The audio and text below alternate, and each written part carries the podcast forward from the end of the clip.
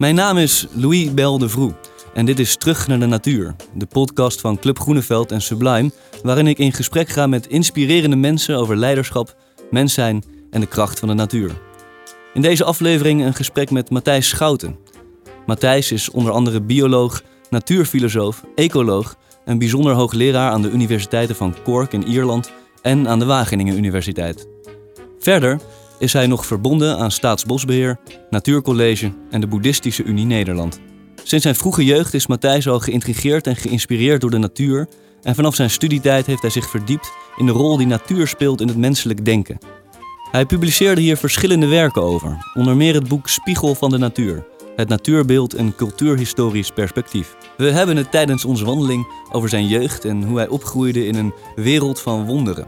Over de noodzaak voor iedereen om een sense of place te hebben. Over verschillende manieren om de werkelijkheid te duiden en hoe poëzie hier een belangrijke rol in kan vervullen.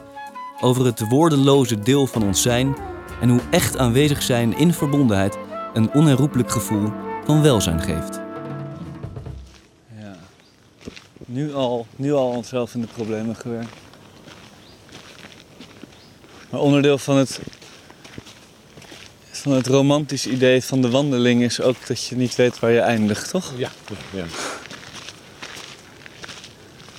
Oh nee, we gaan toch. Ja.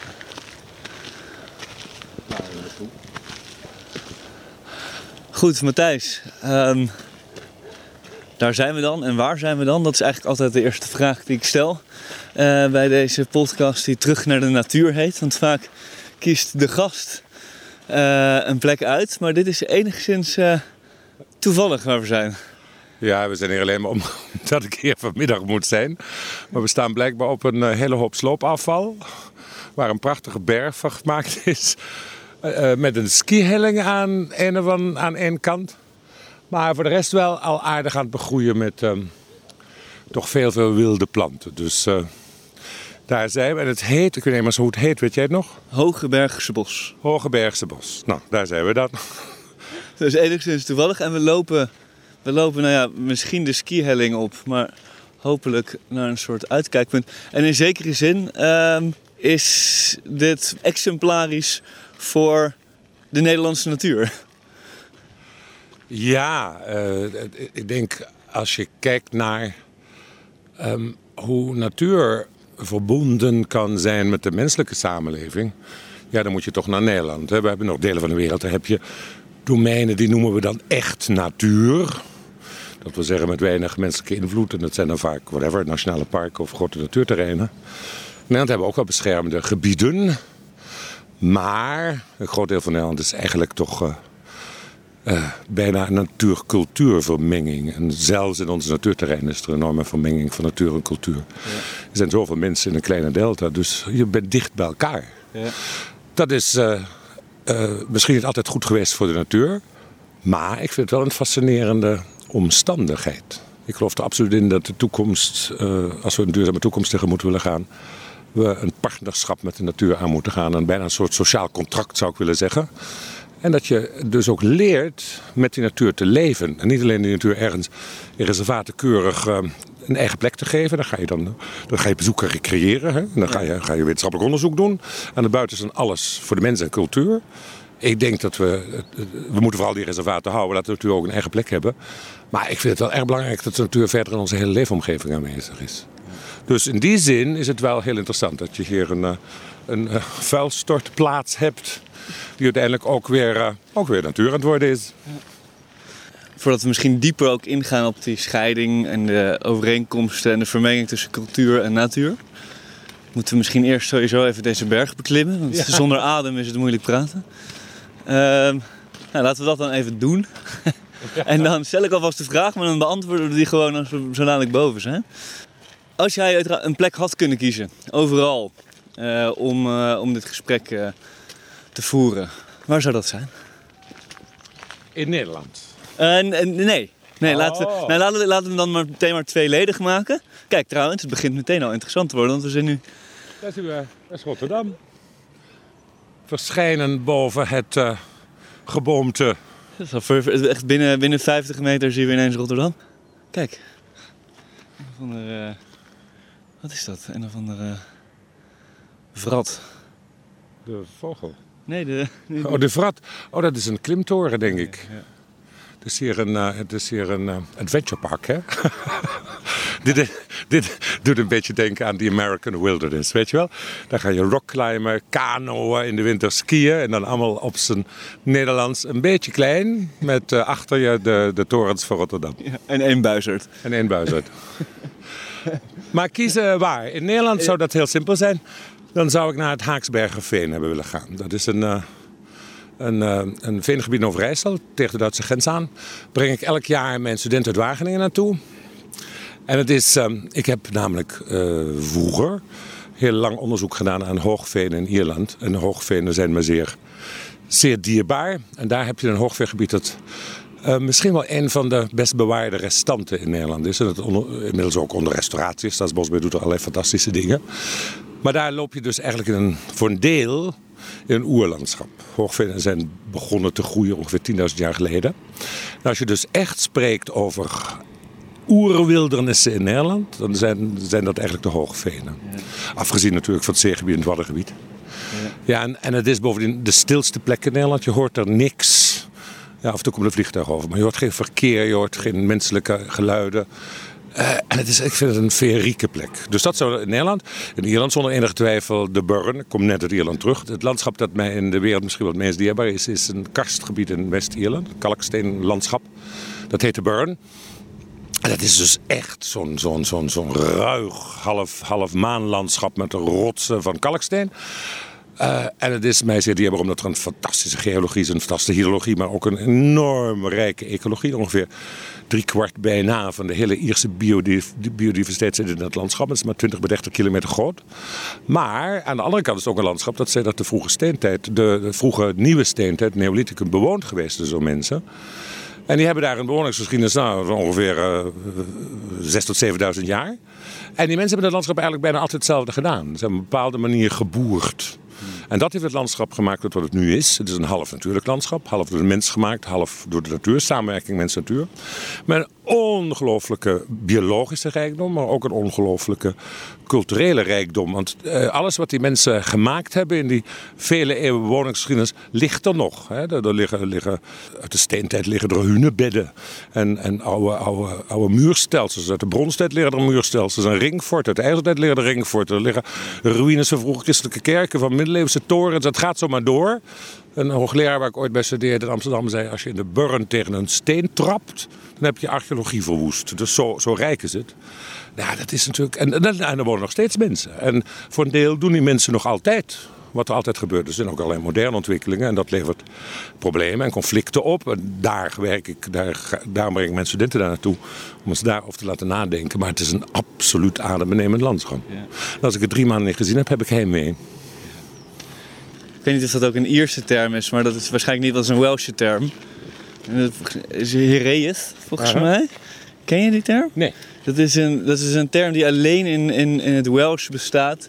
En, en dat staat voor eh, nou ja, heimwee. Ja? Maar ook heimwee naar een plek die misschien wel nooit heeft bestaan. Ja. Met het idee dat, omdat volgens mij Wales altijd een roerige geschiedenis heeft gehad Ja. van wel of niet eigen grenzen, wel of niet een eigen plek. Ehm, dus ik dacht, misschien staat er in de oud-Keltische taal wel ook een woord voor. Maar dit is dus niet een heimwee zoals wij het kennen, dat is het unieke. Het is een, Ja. woord dat alleen in die taal kan bestaan, omdat het Ja. woord gevormd is uit die cultuur. Ja. Eh, een beetje zoals je ook zegt dat het landschap in Ierland is gevormd vanuit die cultuur. En daarmee is, is dat ook die cultuur, lijkt het misschien wel. Nou, in het Iers ken ik, ken ik geen vergelijkbaar woord, maar ik ken wel hetzelfde sentiment. Ierland heeft eh, een enorm sterk eh, gevoel van sense of place. Als je in Ierland iemand ontmoet, willen ze altijd eerst weten waar je vandaan komt. En als je binnen Ierland dus iemand ontmoet die ook uit Ierland komt, bij mij, ik zeg Nederland, en dan, nou ja, dan vragen ze misschien of ik uit Amsterdam of zo kom. Maar als een Ier een andere Ier ontmoet, zeg een Ier uit, uit het zuiden van Ierland, ontmoet een Ier uit het noorden. En eh, dan zal iemand zeggen, waar kom je vandaan? En dan zal iemand zeggen, ah, de Murphys uit Donegal. Ja. Nou, West Donegal, East Donegal, North Donegal en South Donegal. Nou, dan moet je de aangeven waar. En dan gaat dat naar de plaats. En dan gaat het uiteindelijk nog naar een townland. En zo mogelijkerwijs ook nog naar een huis. En dan weten ze wie je bent. Die sense of place is ongelooflijk belangrijk. Maar wat het fascinerende is... Ierland is, is natuurlijk een kolonie geweest. Vanaf, uh, vanaf eigenlijk de 12e eeuw van Engeland. Pas het uh, 1922 echt vrij. En daarmee zijn ook heel veel Ieren in de diaspora gegaan. Er wonen veel meer mensen van de eerste afkomst buiten Ierland dan in Ierland. En de sense of place is vaak heel abstract. Ja. Niet meer verbonden aan een concrete fysieke plek, maar aan een, aan een, aan een uh, geestelijk landschap. En uh, er zijn heel veel studies over verschenen dat de sense of place in Ierland ook een soort uh, mental image kan zijn. Dat niet eens meer verbonden is met iets wat iemand nog kent. Er zijn, er zijn hele generaties, eerst Amerikanen, die nog precies weten waar ze vandaan komen. Tot in detail nog de plek kunnen beschrijven die hun grootouders beschreven hadden. Maar het nooit gezien hebben, maar zich er ongelooflijk mee verbonden voelen. En eigenlijk dus ook heimwee hebben naar iets wat ze alleen maar kennen uit, uit narratives is ook de reden trouwens waarom alle presidenten die een, of presidentskandidaten in Nederland onmiddellijk proberen Irish ancestry te vinden. En daarbij de plek waar dan die Ieren vandaan kwamen die naar Amerika geëmigreerd zijn.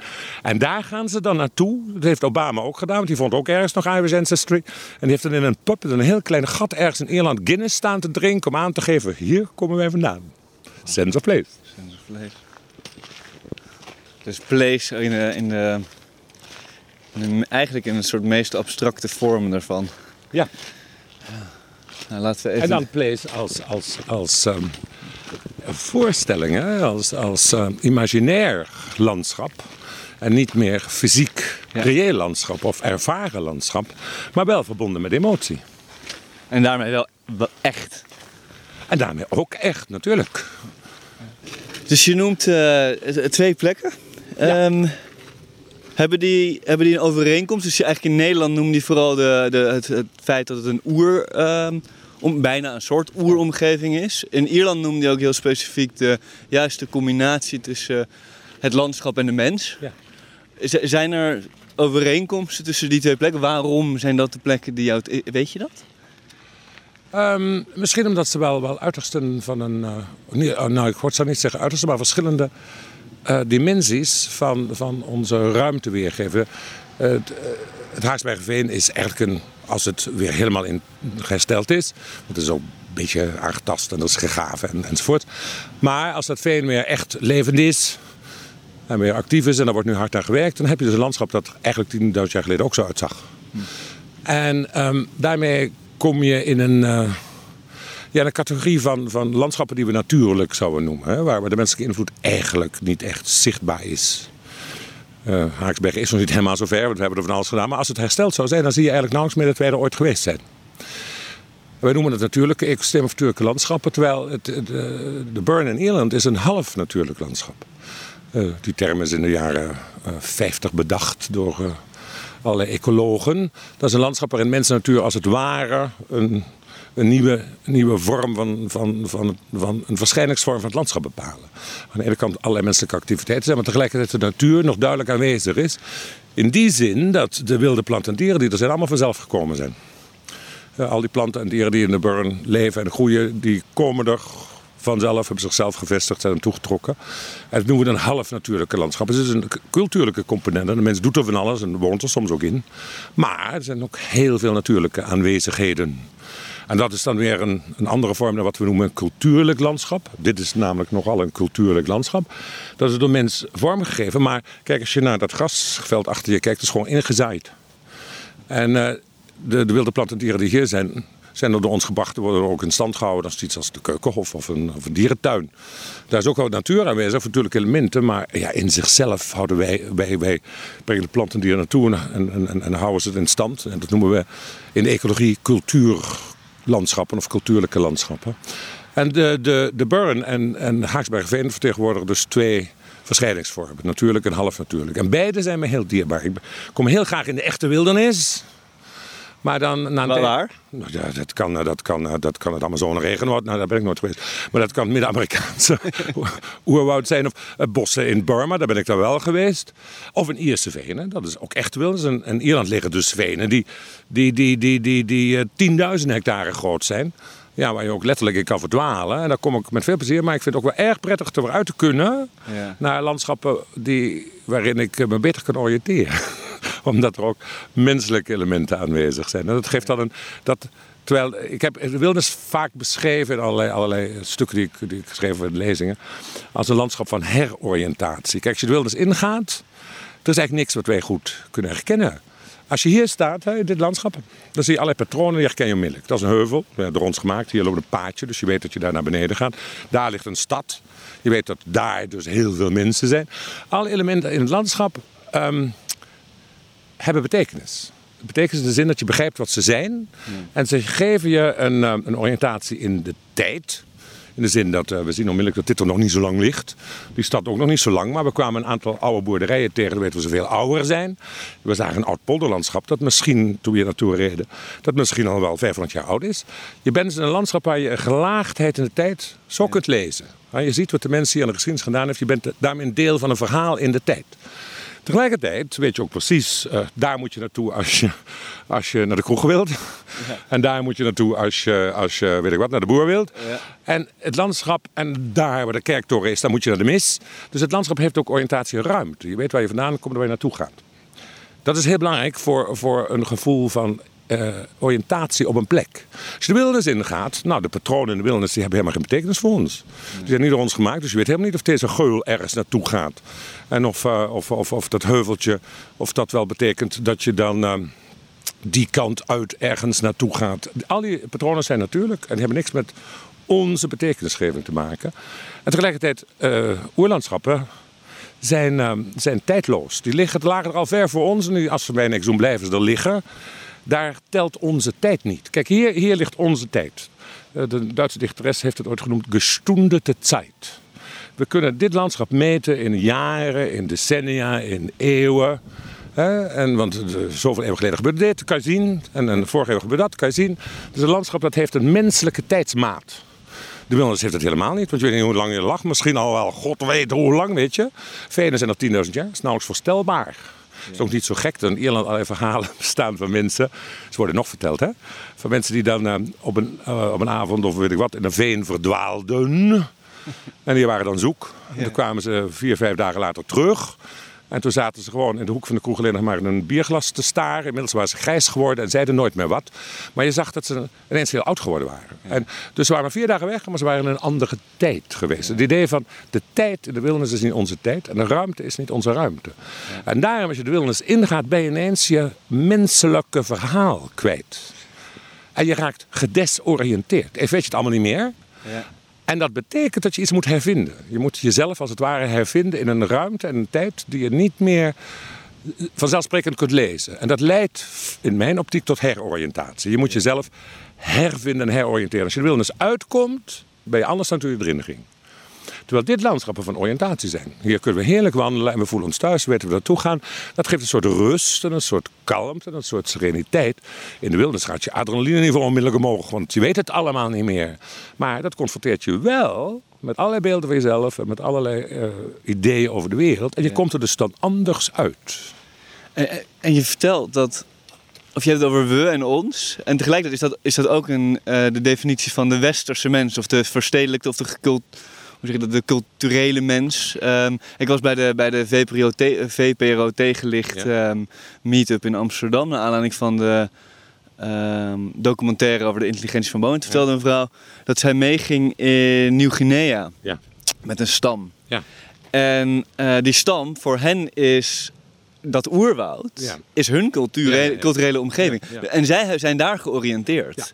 Dus het, het, eh, in die zin is het dus oriëntatie gaat dus, in, gaat dus over jouw omgeving. Als het over jouw en zij konden en voor hun en zij vertelde zelfs dat zij na een paar maanden ineens de omslag had.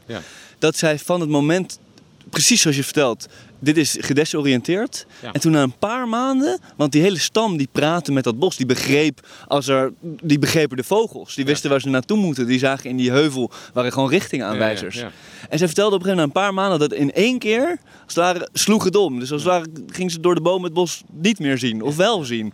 Um, en was ze thuis. Ja, je spreekt over Rita Bayens, neem ik aan. ja. Nou, dit is natuurlijk fascinerend. Dat verhaal dat ik vertelde over, over, over de wildernis en Arcadië. Hè? Dat, dat landschap dat wij gevormd hebben samen met de natuur... heeft in de westerse cultuurgeschiedenis een hele lange geschiedenis. Dat bestond al in de Griekse poëzie en later in de Romeinse poëzie. En dat kwam later weer terug in de renaissance. En de hele Rijksmuseum hangt ermee vol. Landschappen waar mensen natuur en harmonie lijken te zijn. Wij hebben dan dat landschap gevormd naar, naar wat wij nodig hebben. Maar natuur is er ook. En de natuur is keurig en vriendelijk en aardig en gecultiveerd. En dat geeft mooie bloemen en vruchten. En er zijn vogeltjes. En het is heerlijk. Dat noemen wij Arcadië. Daar gaan we ook recreëren. Voor ons onmiddellijk rust en sereniteit. Het past allemaal, harmonie. Maar dat is hartstikke uit een cultuur die een, landbouwcultuur is. Hè? Die, die gaan bedrijven, die, die, die ruimte in bezit nam, planten en dieren domesticeerde, naar onze behoeften vormde. Voor de mensen in Nieuw-Guinea bestaat dit niet. Die leven niet in een door ons gevormd landschap. Die leven in een landschap dat er altijd al was en zal blijven, waar ze deel van zijn. En zichzelf, vanaf het moment dat ze in de wereld kwamen, een plek hebben weten te geven. En zij, zij zijn dus gewoon onderdeel van het bos. Voor ons is zo'n wildernis iets waar we niet in geboren worden, niet in opgroeien, maar ooit misschien op bezoek gaan. En dan zijn we onszelf ineens kwijt, want Arcadië klopt niet meer. En dan krijg je de verhalen van Roodkapje die het bos in gaat en dat gaat mis. En dan krijg je Klein Duimpje die het bos in gaat, gaat missen. Allemaal typische verhalen van een wildernis die voor ons ondoorgrondelijk is. Misschien ook vijandig, gevaarlijk, desoriënterend. De hele, hele middeleeuwse wildernis zat vol met uh, wilde mannen volgens de overlevering en wilde vrouwen. En ja, die waren dan goddeloos en, en die aten mensenvlees en die deden allerlei vreselijke dingen. Als, als indicatie van die wildernis ligt buiten onze orde.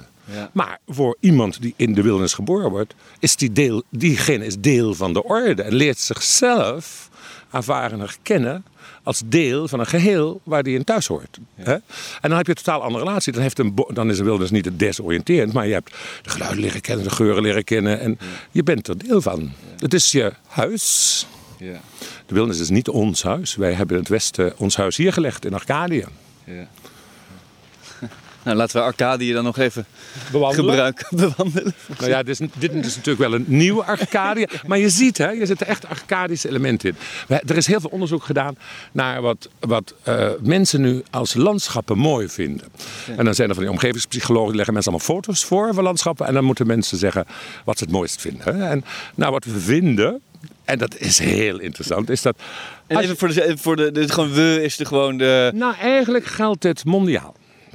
Uh, bij heel veel culturen komen we dat tegen. Ik weet niet zeker of dat bij tribale culturen voorkomt. De, de culturen die echt in de wildernis leven, daar hebben we het waarschijnlijk nooit onderzocht. Maar in Aziatische culturen komt het ook voor. Um, wat, wat mensen mooi vinden, is een landschap dat een beetje geaccidenteerd is. Hoger en lager moet je erin hebben. Nou, dat hebben we hier. Hè? Ja. En dan moet je open plekken hebben, daar staan we middenin. En je moet bossages hebben, hebben we daar ook. En dan moet je ook nog wat water hebben, hebben we ook.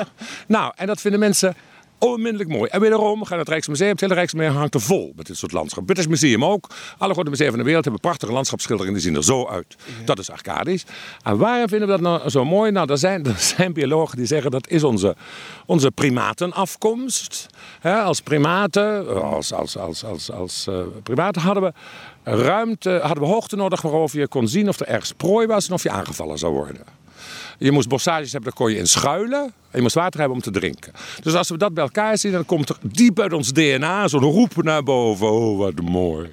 Nou, dit is, dit is ook Arcadië, moderne Arcadië. Past helemaal in die, uh, in die beschrijving de, maar dit is dan bijna een soort mathematisch aangelegd, evolutionair, psychologisch, perfect uitgestreken landschap. Ja, dat is, dat is wat we vroeger de, romantische tuin noemden. Hè. De romantiek had uh, die Engelse tuinen. Hè. Je had vroeger de formele Franse tuinen, die hoorden bij de verlichting. Daar moest de natuur gecontroleerd, geordend en gereguleerd en geclassificeerd zijn. Dat was het hele idee van de verlichting. We moeten die natuur even goed leren kennen, dan kunnen we die goed naar onze hand zetten. Nou, toen kwam er in de 18e eeuw een beetje heimwee op naar het ongeregelde, ongeordende. Want uiteindelijk zit dat ook in ons bloed. Nou, toen kwamen de zogenoemde Engelse landschapstuinen op. Nou ja, dat zijn inderdaad gemaakte Arcadia's die helemaal passen in dit beeld van, uh, dat ik net beschreef van uh, ons primatenlandschap, waar we ons heel gelukkig in voelen. Ja. Maar dan even van deze primaat naar jou, als ja? andere primaat. Is dit mooi? Dit vind ik nou niet verschrikkelijk mooi.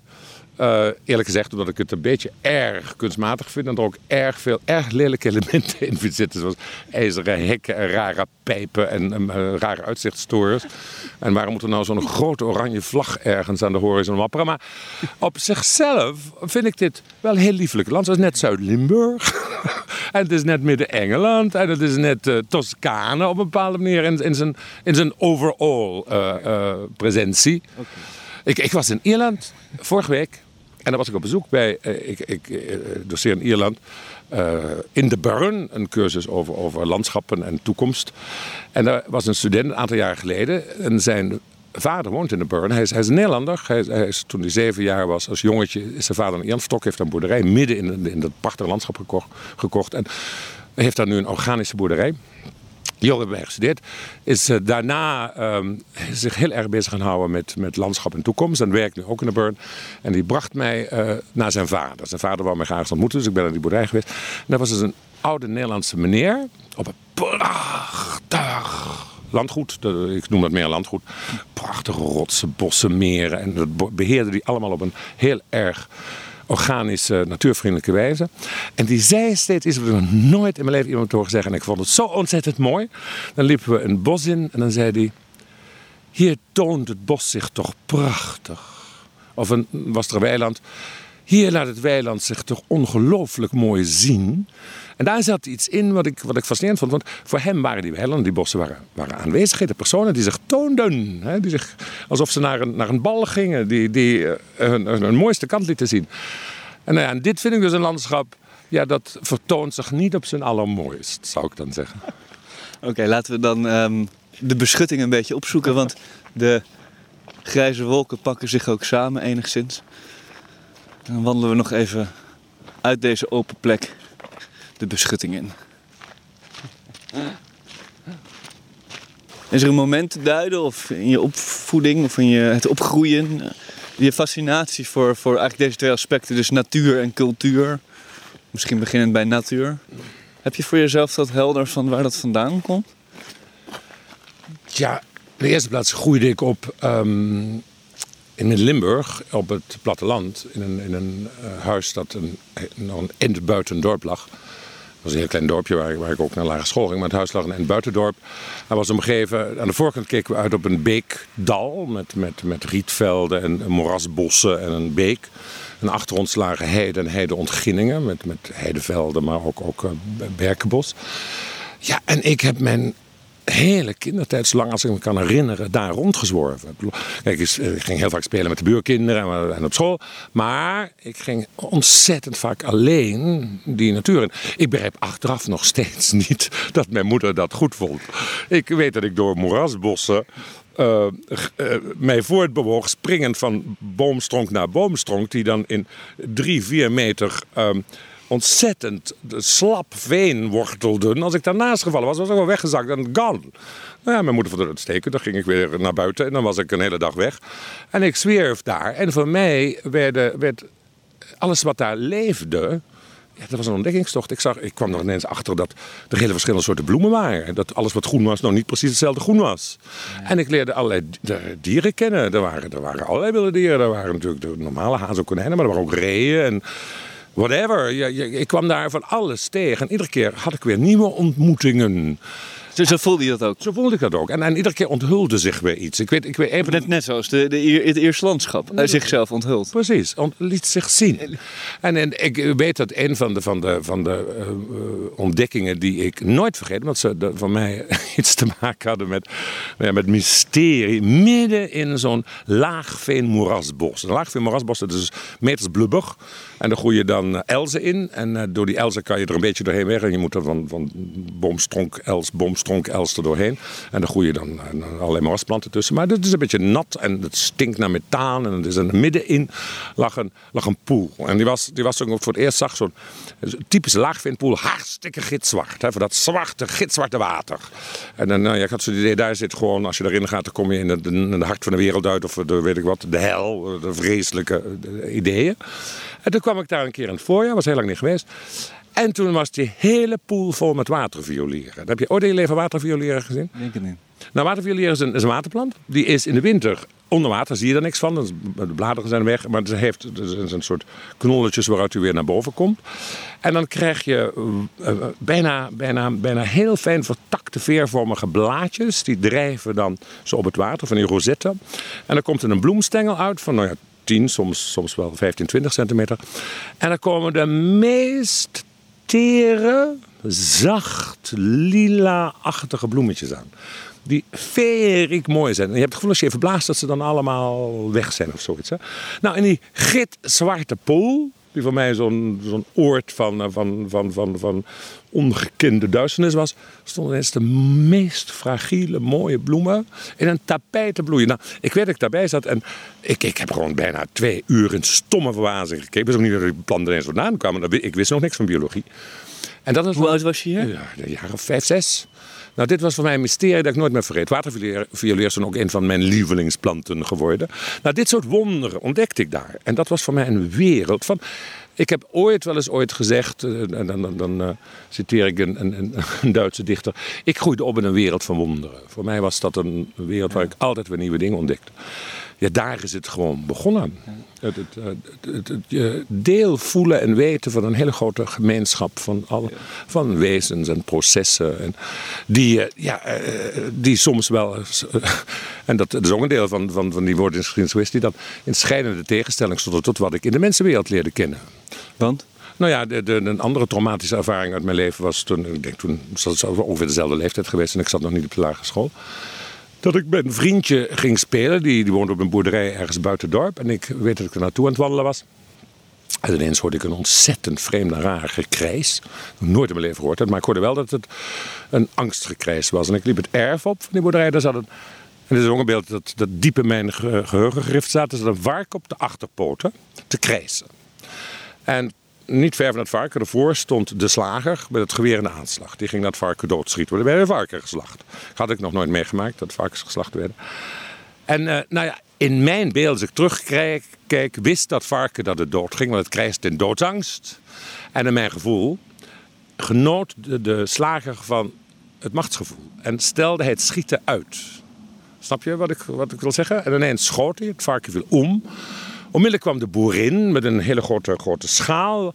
De keel werd doorgesneden en het bloed werd opgevangen, maar daar werd de Limburg balkenbrei van gemaakt. Nou, ik begon ter plekke over te geven. Ik heb dagenlang niet gegeten. Ik kon niet meer uit bed. Ik voelde me verschrikkelijk ziek en misselijk.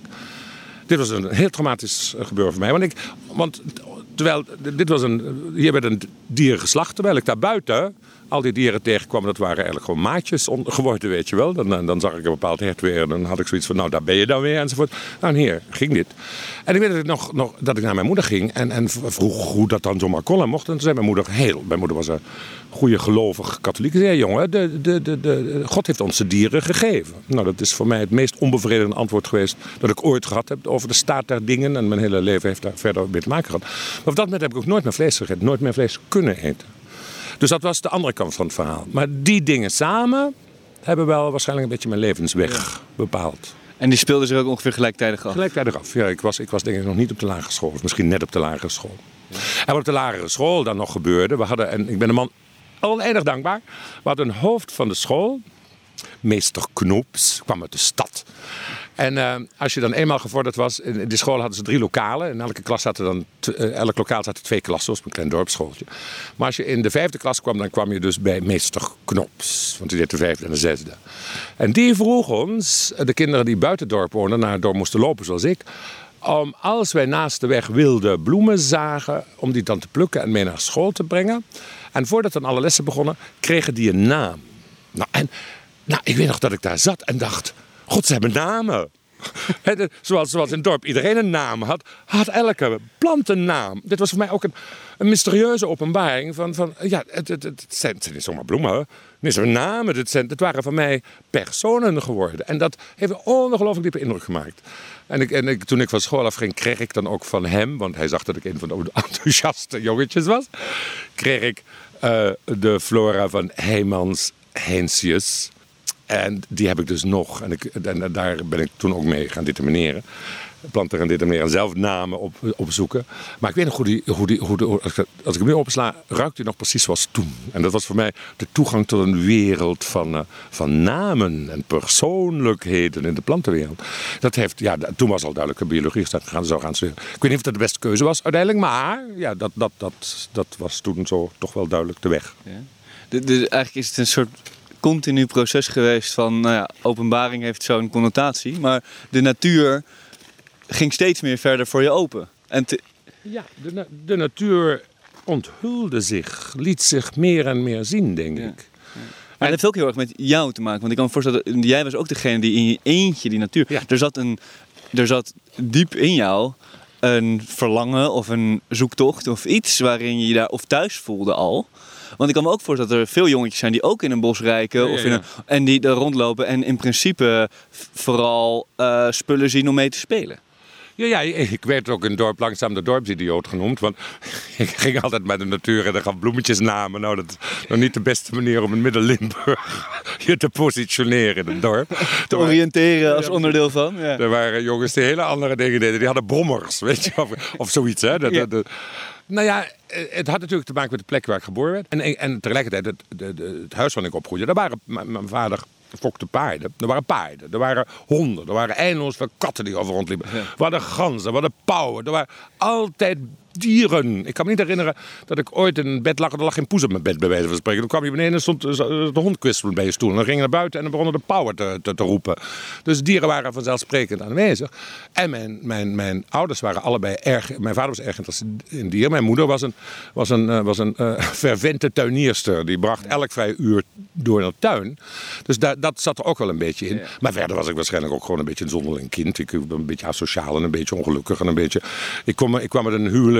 Mijn vader was, was West-Fries en mijn moeder Limburgs. En ehm, ja, een beetje transcultureel.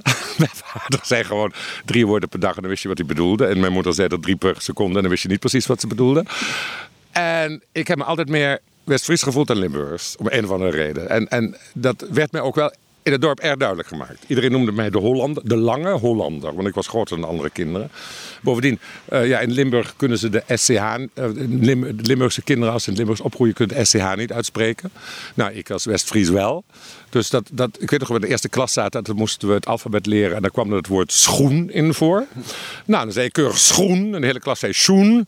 En dan werd daar heel lang over getetterd dat dat toch anders moest. Nou ja, en dat ik dat dan vanzelfsprekend kon. Ik was altijd een beetje de, het buitenbeentje, denk ik. En nou, als buitenbeentje ga je dan maar eh, je eigen wereld een beetje ontdekken. Dat wil niet zeggen dat ik geen heerlijke eh, kindertijd gehad heb. Maar ik, ik zocht wel mijn eigen plek op. Ja. Ja, en terwijl die, terwijl die natuur zich onthult, Onthulde. onthulde, onthulde ook ehm, de mens zich.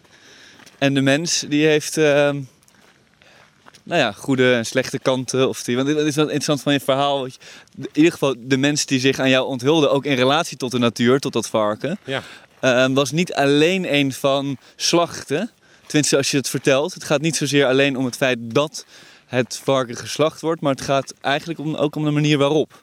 Ja, ik bedenk, terwijl je dit aan het, aan, het eh, zeggen was, bedacht ik ineens. eh, als, als kind wist ik natuurlijk ook dat dieren elkaar opvraten. Dat zag ik ook. Ik zag ook gewoon hoe, eh, hoe een roofvogel ineens een konijntje pakte.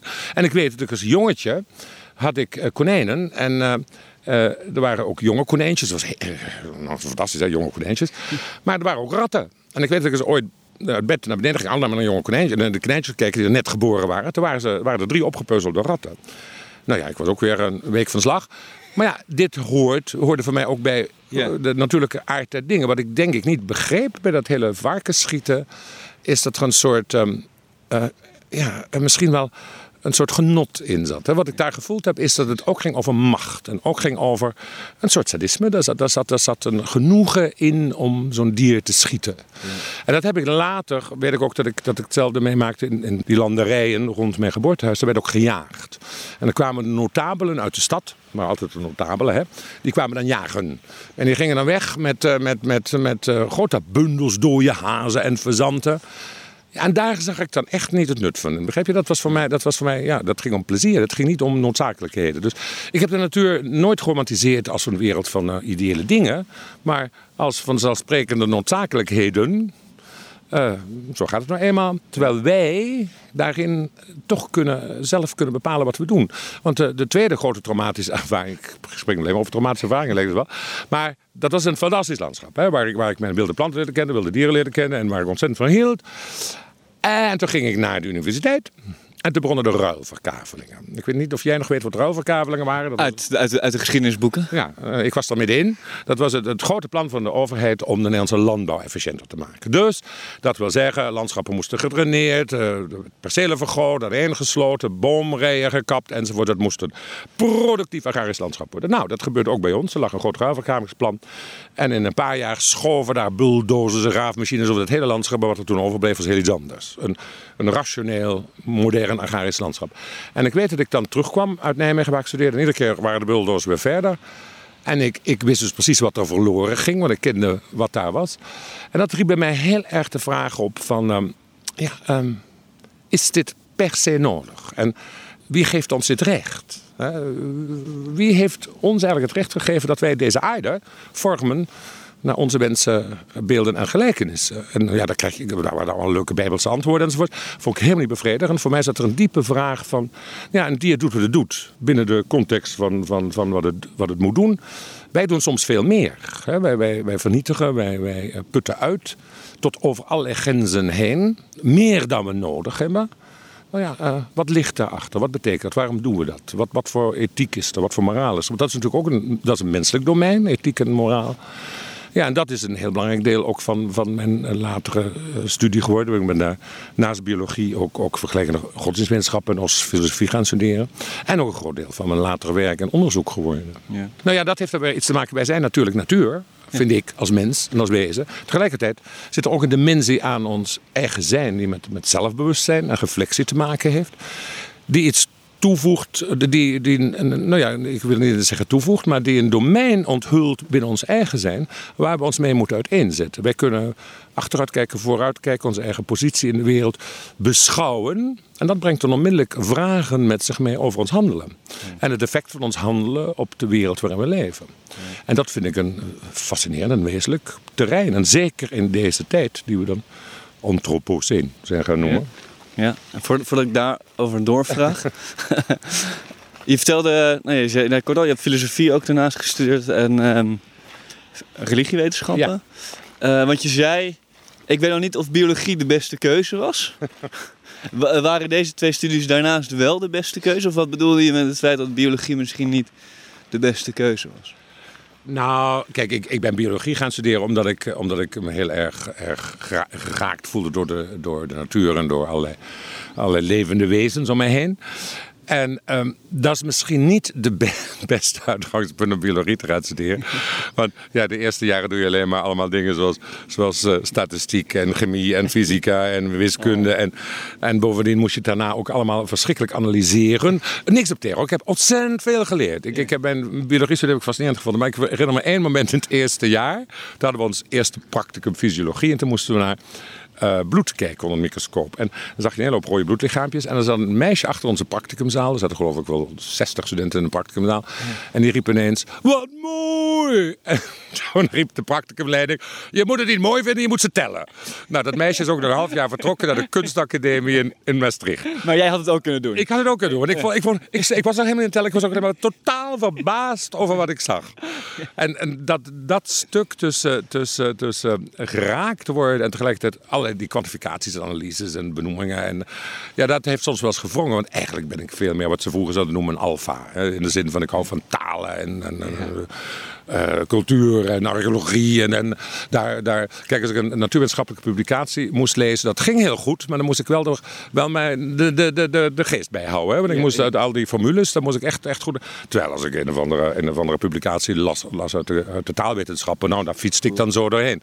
Dus, maar ik heb er uiteindelijk helemaal geen spijt van gehad. Daar gaat het niet over. Want ik heb uiteindelijk die velden kunnen verbinden. En dat is natuurlijk het fantastische. Ja, ja.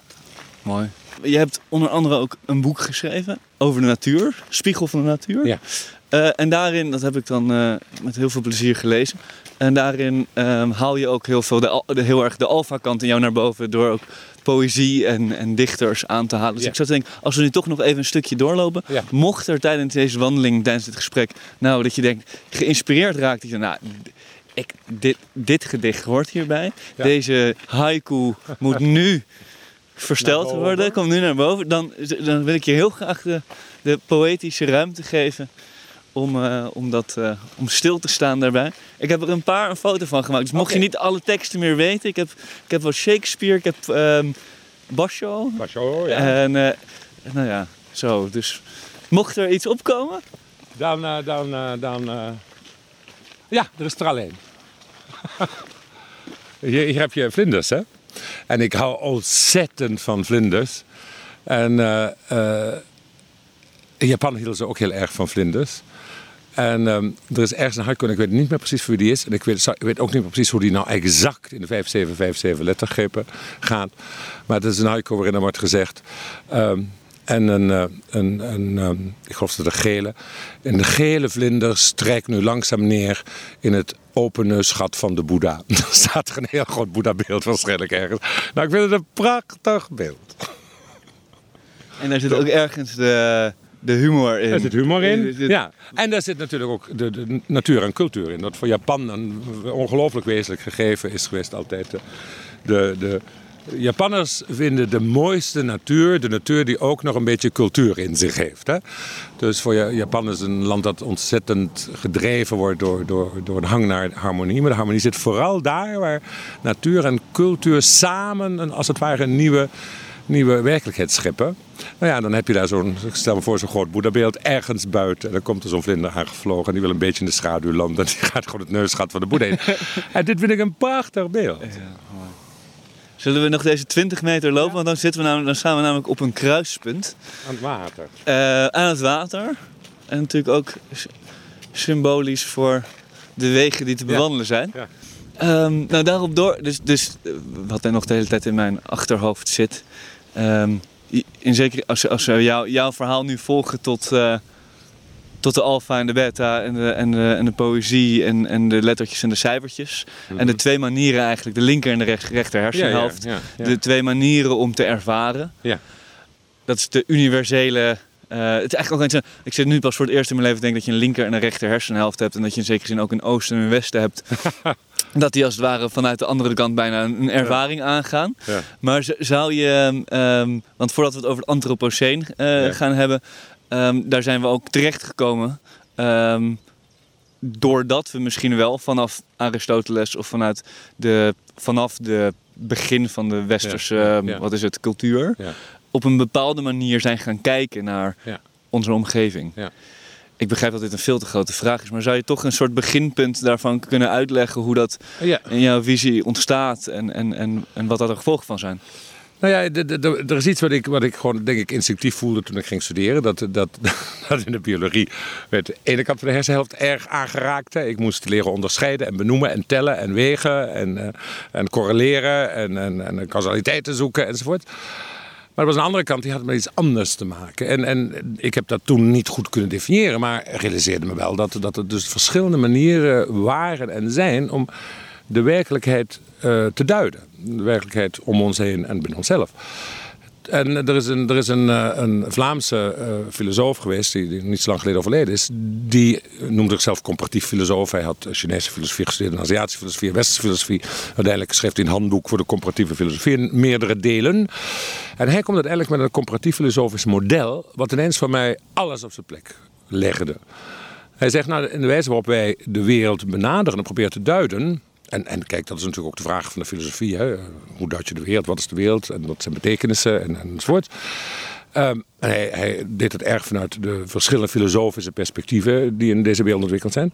Er zijn er een aantal verschillende methoden of paradigmata waarin we dat doen. En die zitten in ieder van ons. En dat zou je misschien linker, rechter, zelf kunnen noemen. Of methoden van nou, gewoon zin geven of betekenis geven of duiden van de wereld eh, waarin we leven. En die gebruikt ieder van ons allebei in verschillende contexten. En hij zegt, en die twee paradigma's, of die twee uh, manieren van kijken, zijn ook in de verschillende culturen aanwezig. Maar de wijze, uh, of de, de manier, nee, laat ik het anders zeggen. Welk, welk gezichtspunt of welke wijze van duiden um, de meeste betekenis voorrang krijgt, dat, dat varieert van persoon tot persoon. Sommige personen zijn meer geneigd het ene te gebruiken dan het andere. En dat varieert ook tussen culturen.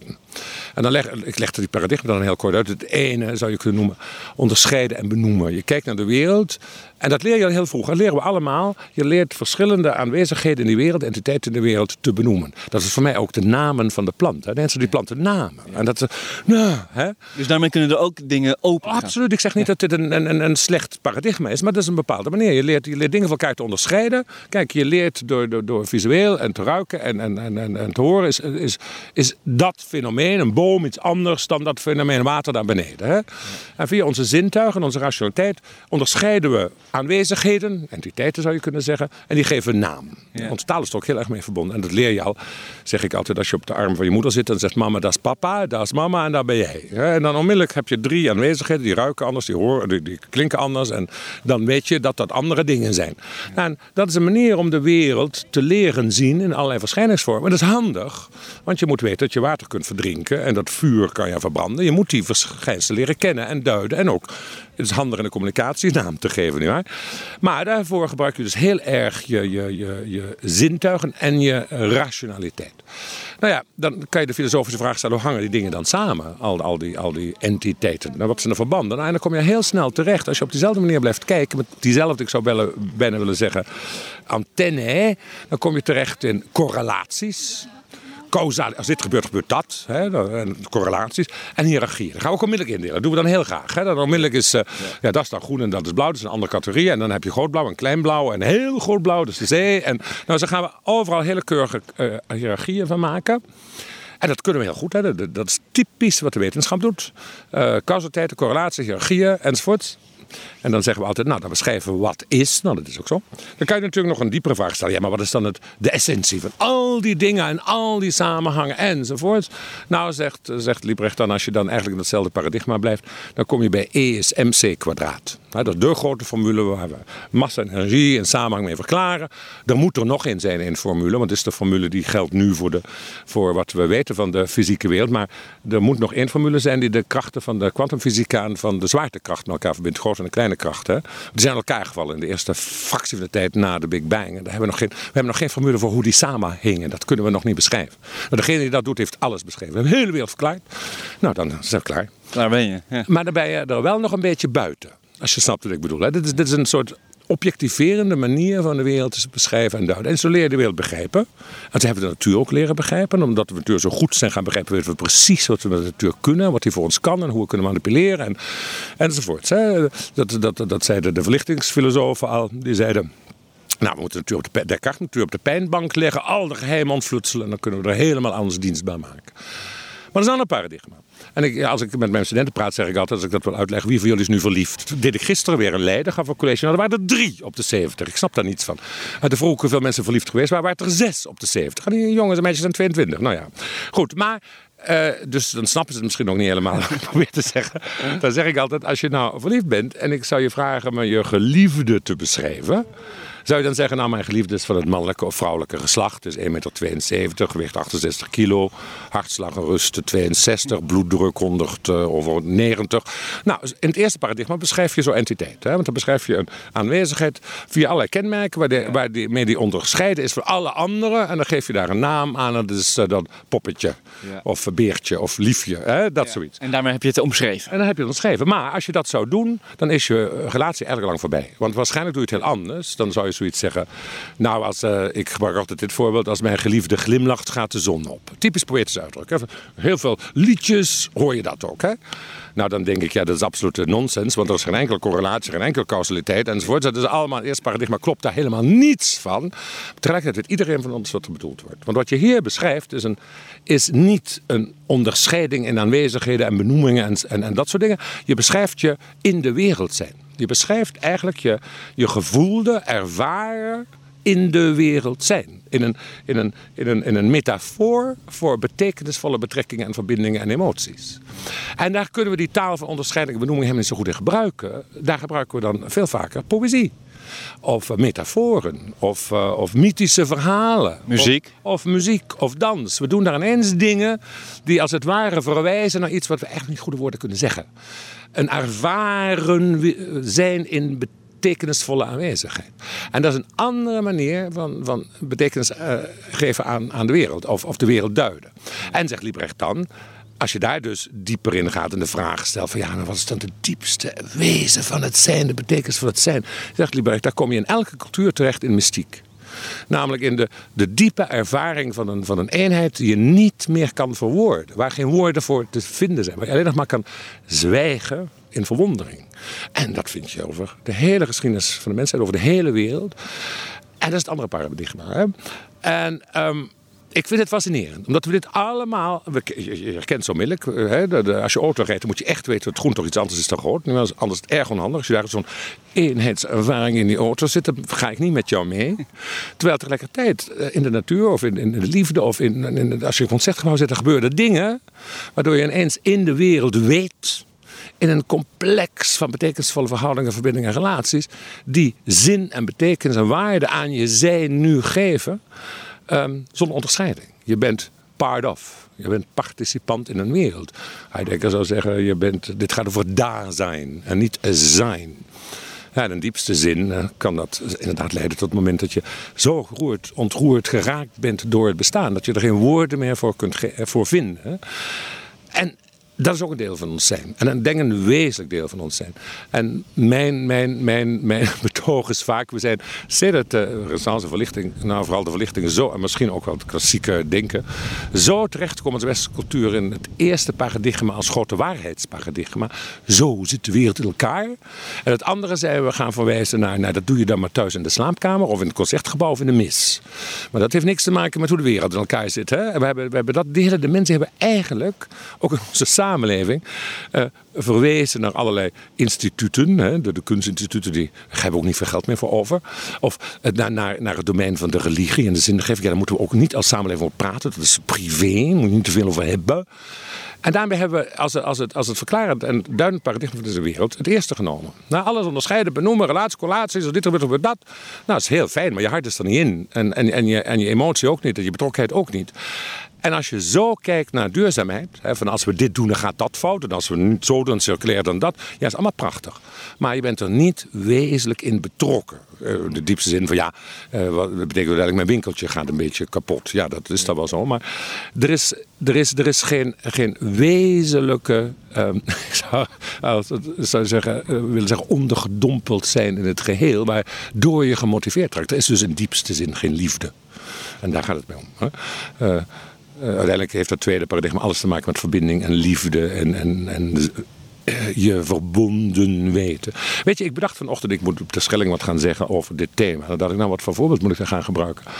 Want we zijn, we zijn zo bezig met al die duurzaamheidsvraagstukken. En dan hebben we prachtige oplossingen, beleid. En dan gaan we dan weer. En dan weer zoveel procent minder van dit, CO2. En, en, en ik denk, dat is allemaal prachtig. Maar eigenlijk gebeurt het gewoon niet. En waarom gebeurt het niet? Omdat we er ons toch niet echt bij betrokken voelen. Dus als het ware een narratief, dat, dat, ja, dat klopt dan wel. Maar ja, het heeft niet echt alles met mij te maken. Weet je, je voelt je er niet in. We nemen geen deel aan het narratief. Het is weer een gescheiden narratief. Ja, precies. En dit is, weer een, dit is ook een, een, een, een, een cerebraal narratief enzovoort. Terwijl ik bedacht, waarom heeft die Rosa Parks, die vrouw die gewoon weigerde op de aangewezen plek in de bus te gaan zitten, een hele beweging veroorzaakt? Nou, voor een deel heeft dat te maken met het feit dat voor de, voor de, voor de gekleurden in Amerika dit natuurlijk een emancipatiebeweging was. Hier begon iets mee dat ook te maken had met, uh, met zelfbehoud en zelfontplooiing enzovoort. Zij zat dus een stuk, want ik zeg dit omdat wij in de duurzaamheid heel vaak zeggen, ja, uh, we moeten duurzaam zijn, want anders gaan wij eraan. Hè? Mm. Dus, en dat is een hele goede motivator om duurzaam te worden. En dan zeg ik, nou, volgens mij is dat helemaal niet de beste motivator. Want er zat een stuk zelfbehoud en zelfontplooiing in voor de zwarte gemeenschap, de gekleurde gemeenschap. Maar maar het was nooit geworden wat het geworden was in de, in de in, laat ik zeggen, de, de, de, de emancipatiebeweging van de gekleurde bevolking in Amerika. Als een groot deel van de witte bevolking zich niet betrokken gevoeld had. En dat had niks met hun eigen belang te maken. Dat had te maken met liefde, met empathie, met herkenning. Met ik wil niet dat andere menselijke wezens lijden weggedrukt worden, achter de bus moeten gaan zitten. Ik als witte heb daar zelf helemaal niks mee te maken, maar ik wil niet dat dat gebeurt, want ik voel me betrokken. En dat is een ongelooflijk motiverende beweging, uh, motivatie geworden in een beweging. Ja, dus eigenlijk is het, het is een dieper eigenbelang. Een, een dieper eigenbelang. En dat, en dat eigenbelang zit dan misschien op het moment dat je liefde voelt, verbonden voelt, ja. uh, verbinding voelt. En dat geeft onherroepelijk een gevoel van welzijn. Daar voel je je misschien wel in je menselijke potentie het, het hoogst ontwikkeld of het meest gerealiseerd. En dan kan je zeggen, ja, kom, het is allemaal, allemaal hersenen en brein. Klopt ook. Er is een onderzoek gedaan, door de Dalai Lama geïnitieerd. Daar werd bij mediterenden, mensen die veel meditatie ervaren, ervaring hadden gekeken wat er in het brein gebeurde als ze mediteerden. Nou, dan, dan kreeg je mensen die deden allerlei technieken, concentratietechnieken, kamptechnieken. En dan zag je allerlei golven in het brein veranderen. Maar toen werd, toen werd Mathieu Ricard, een hele, hele belangrijke eh, de, de, de boeddhistische monnik uit Frankrijk, maar wel boeddhistisch uh, Tibetaans geworden. Die werd gevraagd te mediteren. Die had heel veel ervaring in wat we noemen uh, de, de meditatie van liefdevolle welwillendheid. Loving kindness. Nou, dat deed hij dan. En ineens ligt een deel van het brein op, flink op, waar het ons gevoel van welzijn, als het ware, geactiveerd wordt. En toen zei de lama glimlachte, ja nee, dat wisten we toch al lang. De Boeddha zei altijd, loving kindness is niet alleen goed voor anderen, maar ook voor jezelf.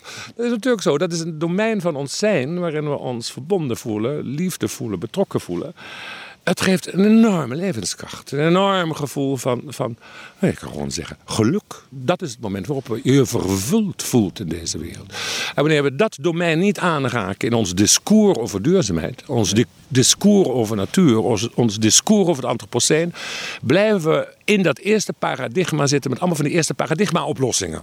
Weer een nieuwe correlatie, weer een nieuw verbandje, weer een nieuw als dit dan dat. Zonder dat we er vanuit ons diepste hart voor gaan. En dan zijn er altijd aarzelingen. Want dan denk je, ja, eigenlijk moet ik dat wel, maar ik wil toch met vliegtuig naar kort. Ik heb het gaat sneller. Als je werkelijk betrokken bent bij deze wereld, denk je, nou ja, dan ga ik met de trein hoor. Want uh, kom even.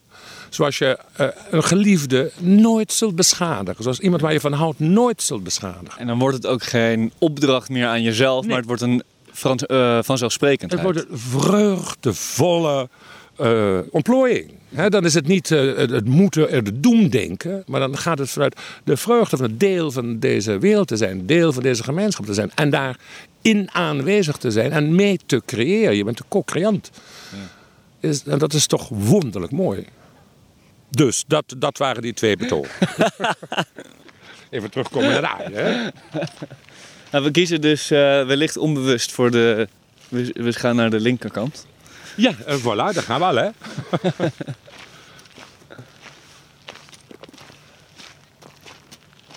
Kijk, hier snap ik ook al dus niks van. Ik zou eens willen weten hoeveel van deze mensen die hier nu... Oh, het is een hondenwei. nu weten we het is een hondenwei. Hoeveel van deze mensen vlees eten. Ik vind het dus een hele merkwaardige discrepantie in onze, in onze, in onze manier van met de wereld omgaan. Nou, die honden, als, eh, ik weet zeker dat deze eigenaar, wanneer die hond leidt, meeleidt, als die hond doodgaat, dan rouwen ze. En tegelijkertijd gaan ze gewoon naar de winkel, neem ik aan een aantal van hen, en koop gewoon kip. En I find this rather incomprehensible. Het is een beetje zoals van, uh, ik eet geen witte, maar wel zwarte mensen. Als je snapt wat ik bedoel. Dat vind, uh, voor mij is het een beetje zo. Ja, dus de, laat ook zien de enorme, bijna uh, perverse kracht misschien van de mens, van die onderscheidingen. Ik bedoel, het geeft ook aan, dit is de hond en dit is de verbonden, die is van mij. En daar zit een liefde in naar mij toe. En tegelijkertijd datgene wat niet bij mij hoort, uh, daar, ik bedoel, het gevoel. Ja, ik begrijp het wel eigenlijk, moet ik zeggen. Ja, want, want, want, we hebben het ook. Dus comportamentalisatie. Wij kunnen goed compart compartimentaliseren. Dat moet ook, want ik denk we niet zouden kunnen, word je gek. Ik denk dat veel de, de, de, dat er mensen zijn die kunnen die compartimenten niet meer aanbrengen tussen zichzelf en de wereld, tussen de uh, whatever, allerlei verschillende verschijningsvormen. Ja, en dan is het te veel. Ons brein kan dat niet meer aan. Maar je moet wel die compartimenten blijven bevragen. Ze zijn, ze zijn geconstrueerd. Ze zijn geen absolute werkelijkheid. Dus en ik vind dat je je leven lang moet blijven vragen. Nou ja, wat is dan het verschil tussen deze honden en, en de kip die ik nu eet? En rechtvaardig ik dat voor mezelf? Ik de kip tabellen die hond niet. Er zijn nooit vanzelfsprekendheden. Dus elk compartiment blijft altijd een door ons gemaakte schutting. En die moeten we blijven bevragen. Ja, maar ook weer op een bepaalde manier liefdevol bevragen. Altijd liefdevol. Je bent absoluut tegen die andere, de, die straffenkant. Kijk, die heb ik gehad. Hè. Ik zat op een uh, Limburg schooltje. en als je dan iets fout deed, te hard praten of weet ik wat, dan werd je naar een klein, klein kamertje gestuurd. Dit was de Laurentius school. Ik weet niet meer, eh, of jij nog weet wie Sint Laurentius was. Nou, het was een heilige die door de Romeinen uh, als martelaar gedood is. En hij is gedood door hem te grillen op een groot rooster. Dus in het kleine kamertje lag er een kokosmat. Daar moest je met blote knieën op gaan zitten voor een levensgroot beeld van Laurentius. Die tot aan de navel naakt was. Een groot rooster in zijn hand had. En van die grote, zwarte, diepe uh, grillwonden in zijn lichaam had. Nou, daar moest je dan een uur naar kijken. Dus ik wil niks meer met straf. Gelukkig. Op zich heeft de, religies uh, maakt het op zich best moeilijk voor hunzelf om daar onderdeel van te blijven als je ze ook dit soort verhalen vertelt. Maar op de een of andere manier hebben ze het lang volgehouden. Houdt het lang vol? Nou ja, de vraag is natuurlijk uh, eerst plaats wat je met religie bedoelt. Er is, er is een fascinerend gegeven, vond ik, toen ik, toen ik uh, religiewetenschappen, verlegd godsdienstwetenschappen studeerde. Uh, dat je in, uh, in de meeste geïnstitutionaliseerde religieuze systemen uh, een binnenkant van een religie en een buitenkant hebt. Uh, de islam onderscheidt dat zelfs. Die spreken, de Soefis spreken over de binnenkant van de islam en de buitenkant van de islam. En eigenlijk komt dat in alle religieuze tradities voort. Uiteindelijk denk ik dat elke religieuze traditie een stichter heeft die vanuit een ervaring spreekt. Of dat nu Jezus was, of Mohammed, of de Boeddha, of whatever. Great spiritual leader. En als dat een authentieke, werkelijke ervaring van verbinding is, of van, van een mystieke ervaring, zit daar onherroepelijk altijd verbinding, liefde, uh, zorg in betrokkenheid. De, de boodschappen van de, de grote religieuze stichters wijken daar niet uiteen. Hè? Heb lief. Dat blijft toch altijd een hele diepe boodschap. Heb lief vanuit verbondenheid. Vanuit verbondenheid, vanuit het weten dat, uh, dat um, heb, je, heb je de allerliefste zoals jezelf. Nou, er is een boeddhistisch verlichtmeester uit Japan die ooit zei... Mijn verlichting was toen ik ineens mijn gezicht en elk gezicht zag dat ik tegenkwam. En in mijn gezicht, elk gezicht dat ik ooit was tegengekomen. En eens is er het diepe bewustzijn dat het welzijn van de ander, het welzijn van jou niet scheidbaar zijn. Dat wat een ander voelt, ervaart, niet anders is dan wat jij voelt, ervaart. Dat alle verlangens, hopen, pijnen niet anders zijn. En op dat moment kun je niet anders dan leven vanuit, vanuit welwillendheid. Dan kun je een ander niet kwetsen. Omdat je de pijn herkend ziet, dan wil je een ander blij is. Omdat je het kent, ervaart in jezelf. Dat, dat noem ik liefde. Liefde is niet, niet het selfish gedoe van uh, ik wil en ik verliefd in mijn, mijn Nee, het gaat over het wezenlijk je in diepste zin verbonden weten met het welzijn van anderen. Daar hebben eigenlijk alle grote religieuze systemen het over. Maar ja, dan moet het geïnstitutionaliseerd en dan krijg je regeltjes en, en, en ordes en, en, en, bazen en onderbazen. En, en dan moeten er wetten vastgelegd en, en, en dan gaat het altijd wringen. En dan ineens komen de moeilijkheden en de, de, de straffen en, de, en de, de, de uitsluitingen en de ander en de niet-gelovigen. Uh, ik, ik, uh, ik zelf ben voorzitter van een raad van leraren uit verschillende boeddhistische stromingen in Nederland. En er zijn stromingen bij die elkaar dus al, al duizend jaar niet meer ontmoet hebben. De, Tibetaanse boeddhisten en de zen-boeddhisten in Japan die ontmoeten elkaar ongeveer, ik zou bijna willen zeggen, duizend jaar niet meer. En... Um, en de, de, de, de boeddhisten uit, uit Myanmar en, en, en, en, en Thailand, ook, ook de, de, de, de Tibetanen niet, eeuwenlang. En ze verketterden elkaar ook, want dan vonden de, de, de Zuidelijke boeddhisten vonden dat, nou ja, daar in de Himalaya zijn maar bijgeloof. En van Japan vonden ze, ja, die doen niks meer met de leer van de Boeddha. En dat snap je? Ja. En zitten er bij mij aan de keukentafel allemaal verschillende religieuze leiders in hun, hun, hun, hun, hun, hun tradities. Met allemaal hele verschillende buitenkanten. De gewaden zijn anders, de, de rituelen zijn anders. En het zijn allemaal mensen die heel diep een leven lang geprobeerd hebben dat boeddhistisch pad te volgen vanuit die verschillende richtingen en perspectieven. Nou, als het over essentiële zaken gaat, weet, we precies, weet iedereen precies wat het over gaat. Er is geen verschil van mening. En de diepste is uh, betrokkenheid en, en, en, en um, mededogen. En dan denk ik, ja, kijk, dat is de binnenkant. Die buitenkant zijn de regeltjes. En, en, en daar gaan religies altijd een, een lastige rol, heel vaak een lastige rol spelen. Over hoe wij omgaan met de anderen, met elkaar. Terwijl aan die binnenkant, ja. nou als dat gerealiseerd is, dan is deze hele wereld een, uh, een verlicht paradijs. En daar doet de natuur goed mee, want die willen we ook niet laten leiden. Maar, maar hier zit volgens mij precies de, bijna de onmogelijke, of laten we zeggen, de interessante, uitdagende opdracht of uitdaging, moet ik zeggen, van de mens, is dat het onnoembare is onnoembaar. Dus het beginpunt van elke religie, het, het, het de binnenkant, ja. Ja. Dat is een ervaring die in zekere, in een bepaalde manier niet te delen is. Nee, dat is het point. En, maar zodra je die wil delen, want ik kan me ook voorstellen, na zo'n ervaring denk je, nou, dit is vrij bijzonder. Dit is wel de moeite waard. Nee, meer nog, dit is waar het over gaat. Het is, is ingevend, het is verbonden dit wil ik uitleggen, dit wil ik vatten. Ja, ja. en dan ga je, kom je in de, in de onmogelijkheid van het noemen van het onnoembare. Dan kom je in, in de onmogelijkheid van het construct. Kijk, toen, toen Jezus over zijn ervaringen in de woestijn moest gaan praten, kon hij dat alleen maar doen in beelden en metaforen die in, de, in, de, in het, het volk Israël kenden. Dat geldt ook voor de Boeddha. De Boeddha gaat allerlei beelden en woorden gebruiken. Ja, die horen bij het toenmalige Indiase wereldbeeld. En, maar het zijn uiteindelijk altijd verwijzingen. Hè? En, en, als je heel goed luistert, dat is, dat is ook bij de, bij de Boeddha zo en bij Jezus vind ik. Dan zijn het steeds verwijzingen. Dus als het ware gewoon iets waarmee je wijst naar iets wat daar is en wat je niet kan, precies kan benoemen. Want het is onbenoembaar, maar daar ongeveer is het dan. Hè? En uh, kijk, als, als, als uh, de, de, het Oosten spreekt over de, laat ik zeggen, de, de, de verlichtingservaring of whatever ervaring je noemen, die ervaring waarin je dus even over, over de normale duiding der wereld heen gaat, ineens een, een, een verbinding, of, of, of in het Oosten noemen ze het verlichting, in het Westen zou het de godservaring noemen. Als je in die buurt komt, zie je dat men gaat verwijzen. En dan wordt er zelfs in het Oosten gezegd, dat gaat over wat geen oor heeft gehoord geen oog heeft gezien. En ze zullen zelfs in India zeggen: ja, en stilstaan is dat alles nog sneller dan het denken. Je je kan niet eens, snap je?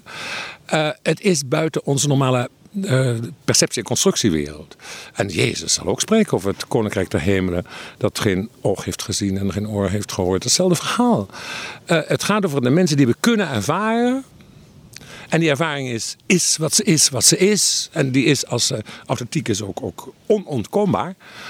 Ja, maar als je dat moet gaan. Nou, dat is niet anders dan wanneer. Ik kom maar weer bij die verliefdheid, want ik ben mijn hele leven lang altijd verliefd geweest. Als je waanzinnig verliefd wordt, ja, dat kan je eens beschrijven. Ja, dan, wat we dan gaan doen, is gaan we luisteren naar alle liedjes die het een beetje proberen te beschrijven. Maar het is heel moeilijk onder woord te brengen, want het is zo'n zo'n zo'n zo'n wezenlijke, diepe ervaring die alles uit je, uit je, uit je daar zijn meeneemt. Ja. Je, elk woord doet het tekort. En, en dat geldt ook voor, voor, voor dit soort ervaringen waar religieuze leiders over spreken. De, de, weet ik wat, of je dat ervaring noemt van ontmoetingen van God of de, het schouwen van, van het absolute nou, of over de moksha in, in, in, in het hindoeïsme. Je hebt er talloze namen voor. Maar het gaat over dat, dat zien van de werkelijkheid die ineens voorbij gaat aan jouw normale, geconstrueerde, zichtbare, gevatbare werkelijkheid. En die je even ook totaal uit het lood brengt. Daarna moet je ook terugvinden in relatie tot wat ervaren is. Was dit de eerste keer voor jou bij de, de, de, de waterbloemen? Ja, die, dat, voor mij was dat als het ware echt een verlichtingservaring. Ik was mezelf even totaal kwijt. Ik was, was zo opgenomen dat wonder van, dat, ik, dat ik niet eens meer wist dat ik daar was. Of ik, ik kon, snap je wat er gebeurde? Het was even een totale, totale, totale ont, bijna ontreddering, maar ook een ongelofelijke betovering. En dat, dat heeft me, daarna ook nooit meer losgelaten. Want dit was het moment waarop ik ineens mijzelf leerde, zag, daarna als waarnemend wezen. Hè. Bedoel, daarvoor was echt een vanzelfsprekend, je hoorde dingen. En toen ineens was, ik, was er zo die absolute, uh, dat absolute waarnemen of opgenomen zijn wat ik daar zag. En daarna zag ik ineens hoe ik daarover na ging denken, naar keek. En werd ik me bewust van mijn eigen percepties. En dat is een hele wezenlijke geweest in mijn leven. En dat is waarschijnlijk ook waar ik altijd weer, weer, weer ik zou niet zeggen onbewust snel op zoek geweest maar waar ik altijd in mijn leven ook weer opnieuw tegenkwam in, in heel veel momenten. Want je bent het, je bent het vaker tegengekomen. ja, ja dit, dit, ik, ik vind het jammer als er een maand voorbij gegaan is waar het niet weer eens een keer gebeurd is. Ja, nee, zeker. Dit is, dit is het wonder van het bestaan. Dat je, dat je over, overal, als je eenmaal, eenmaal die weg een beetje leert kennen, is het helemaal niet zo moeilijk. Hoor. Het, waar het over gaat is uh, even gewoon alles maar laten waaien en je openstellen voor verwondering waar, waar het wonder kan binnentreden. Ja. Gewoon kan binnenkomen. En dat, als, je, als je heel veel van je, van, je, van je beelden, je concepten, je gedachten, je verwachtingen, je ideeën. En vooral ideeën van onszelf. We hebben zo eindeloos veel ideeën van onszelf. Als je er maar eens even gewoon laat ja, dan, dan, dan is eigenlijk, ja, die zijn deze wereld een continue eh, weggevonden. Kijk, ik zie daar nu net die, die, die, die kool bloeien. Hè? Die, dat zal wel een, een van de koolsoort zijn. En ik was er bedenkt, we praten, nou, dit is het meeste geel, gelige geel dat ik ooit in groen gezien heb. En even vallen dan ook, ook snap je wat ik zeggen, dan vallen even wat dingen weg. Dan is er alleen maar een volledige geelheid. En in die geelheid voel ik onmiddellijk een diepe vorm van... Uh, van uh, van, uh, van aanwezigheid en ook een beetje geluk en blijheid. En dat, ik, dat dit er is en dat ik hier ben en dat dat er ook is. Begrijp je wat ik bedoel? Je, je kunt die weg daar naartoe, als het ware, ontwikkelen. Steeds makkelijker maken. En ik denk dat dat het mens zijn zo ongelooflijk veel rijker maakt. Maar dat betekent dus ook dat je voortdurend open staat voor dat wat niet jij is. Wij zijn zo geneigd altijd te zoeken naar onszelf in de ander en onszelf in de wereld. We zijn altijd op zoek naar spiegelbeelden. Wat me erg vaak opvalt als ik paren zie, paren, paren van mensen, denk ik fysiek lijken ze op elkaar. Dan heb je, of nou twee mannen, twee vrouwen, of man en vrouw zijn. Maar ze hebben fysieke eigenschappen die op elkaar lijken. Vaak zou het zou broer of zus kunnen zijn, of broer en broer. En dan denk ik, nou, ze zijn gewoon verliefd geworden op zichzelf, op een eigen spiegelbeeld. Zonder dat ze het weten. En dat doen wij ons hele leven. Wij zoeken altijd naar wat ons bevestigt. Als je dat nu eens laat, helemaal weglaat. En eh, dan ineens onthult. Ja, dan, dan laat de natuur zich mooi zien. Snap je? Dat is wat die meneer hier zei. Ik was er zo door getroffen, want hij liep er naartoe um, zonder verwachting, zonder beeld, zonder, zonder al iets in te vullen. Hij bracht me ook naar, naar een ringvoort. Er stond een hele oude uh, meidoorn in. En hij wilde helemaal niet vertellen waar we naartoe gingen. Hij wilde helemaal niks zeggen. En dan stonden dan en zei hij... Zo, laat ze zich niet prachtig zien. Nou, en dat vind ik, dat is precies wat ik bedoel. Uh, en jij begreep het? Geen, geen moment twijfel, nee. Want ik vond het ontzettend prachtig. Maar daar onthult zich voortdurend de wereld. En daarin is altijd, denk ik, verwondering. Uh, absoluut ook, ook eh, levensvitaliteit. Ik denk dat daar echt de levenskracht is. Maar ook respect. En, en, en, en betrokkenheid, liefde. Ja. Ten eerste wil ik zeggen, het is wel jaloersmakend wat je zegt. In die zin dat jij die ervaring, als die maand niet er is, dat dat wel, uh, dat, dat, ja, dat dat toch wel heel jammer is. En dat dat uh, vervelend is. En dan, moet je, dan moet je weer even wat gaan doen. Kijk, ik, ik, ik, ik, wil niet zeggen dat ik elke dag in een soort mystieke ervaring, dat is weer Ik moet heel veel de hele dag doen waar, die ik toch echt het eerste, die andere hersenhelft nodig heb. Maar de kunst is, weet je, het is heel makkelijk. Het enige wat je hoeft te gaan doen is, je gaat, je gaat uh, dat kan, is zelfs binnenshuis. Maar je bent bij iets wat, wat, wat niet, niet door ons gemaakt is. Hè. Kijk, kijk, als ik naar een prachtig kunstwerk kijk. Nou, het zou ook kunnen bij kunstwerken, denk ik. Maar ik, ik ken het vooral bij, bij de natuur. Maar je kijkt naar, naar aanwezigheden die niet door ons geconstrueerd, bedacht of gemaakt zijn. Die liggen dus eigenlijk in de wereld van het andere. Hè. En eh, kijk eens, ik zie daar dus een, een, een, een, een, bloem, een plant staan. En dan zeg ik als bioloog, nou dat is een scherm bloemige. En uh, waarschijnlijk is het die en die. En die groeit op die en die gronden. En dat geeft die indicatie van habitat. Dat kan ik allemaal doen. Ja, dat, is dan dat. Maar ik dwing mij ertoe altijd weer als ik merk dat ik weer een beetje daar te veel terecht kom. Bij zo'n plant te gaan zitten en dan eens vijf minuten naar zo'n plant te kijken zonder iets te bedenken. Er de gedachte komt, onmiddellijk eh, laten alleen maar waar te nemen. En op een bepaald moment, wat er gebeurt is gewoon dat die, die plant onthult zich. In de zin dat, dan, dan weet ik niet meer hoe die heet. Ik weet niet eens meer wat het geslacht van de soort is. Maar dan wordt het een Martin Boeber zou zeggen een G. Dan is, dan, uh, is het geen S, geen het meer. Het wordt een doe. En dan is het ineens een aanwezigheid waarmee ik op dat moment uh, in betrekking ben. Ik, uh, ik had een studenten die ooit onderzoek deed naar herbalisten in de, in de, in de Alpen. Ik wist helemaal niet wat herbalisten waren, maar dat zijn eigenlijk mensen die, die kruiden, kruidkundigen zijn. En die ook kruiden, uh, kruidendranken en, en, uh, alle dingen geven aan mensen. En dat, is een hele oude traditie. En die was bij een oude herbalist die... en herbalisten die, die, zijn niet makkelijk toegankelijk. Dat is een gesloten gemeenschap. laten eigenlijk heel weinig los over hoe ze dingen weten enzovoort. Mm. En nou, daar, daar, daar bouwde ze een band mee op. En, um, uh, en die vertelde haar dat hij eigenlijk planten bestudeerde. Een leven lang. Hij had natuurlijk heel veel overgeleverd gekregen van zijn leermeester. Maar zei hij, wat ik toch altijd doe is planten waarnemen, bekijken. En hoe ze door het jaar groeien en wat ze doen. En daardoor leer ik iets over wat ze voor ons kunnen betekenen. En toen vroeg mensen dit heel argeloos. Ja, en hoeveel doet u er dan per maand?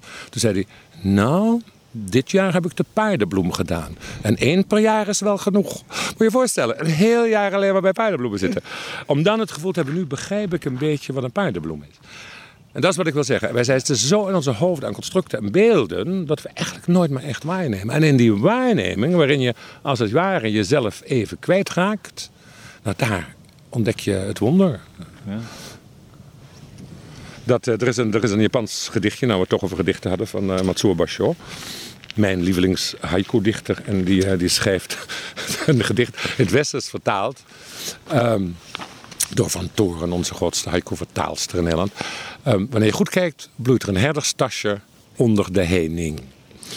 Uh, een herfstasje is een heel klein onkruidje. Een onkruidje dat overal. Het staat hier ook overal. Het staat de laatste weg, de spoorwegappels met de, de streetterreinen. Iedereen schoft het weg in de tuin. Het is het meest voorkomende onkruidje. Het is maar dus niet hoog, de 10 tot 20 centimeter. Met de meest onbeduidende wit-groenige bloemetjes. Totaal onaantrekkelijk. Nou ja, dat is het herfstasje. Hè? En dan zegt zo Basho, en ik las, ik las die haiku de eerste keer en dacht, nou, dat is niet zijn beste. ik had eigenlijk niks aan. En toen sprak ik later met een Japanoloog en die zei, nou, nou, nou, dit is wel zijn meest diepzinnig hoor. En toen legde hij dat uit. Uh, als Basho zegt, wanneer je goed kijkt, uh, gebruik, wordt het Japan een werkwoord gebruikt, dat zoiets betekent, als je zo kijkt, dat het andere zich kan onthullen. Dat vind ik al een prachtig beeld. Dat, dat het andere, de ander zich kan laten zien. Dat is wat die meneer in, in Ierland ook deed. Hè. Ze laat zich zo prachtig zien hier.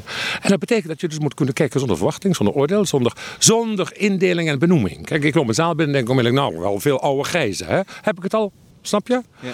Maar je loopt een zaal binnen en je weet het niet. Er zijn aanwezigheden en je hebt nog helemaal niks bedacht. Dus als je kunt kijken zonder benoemingen, zonder verwachtingen, zonder uh, oordelen, zonder vooroordelen.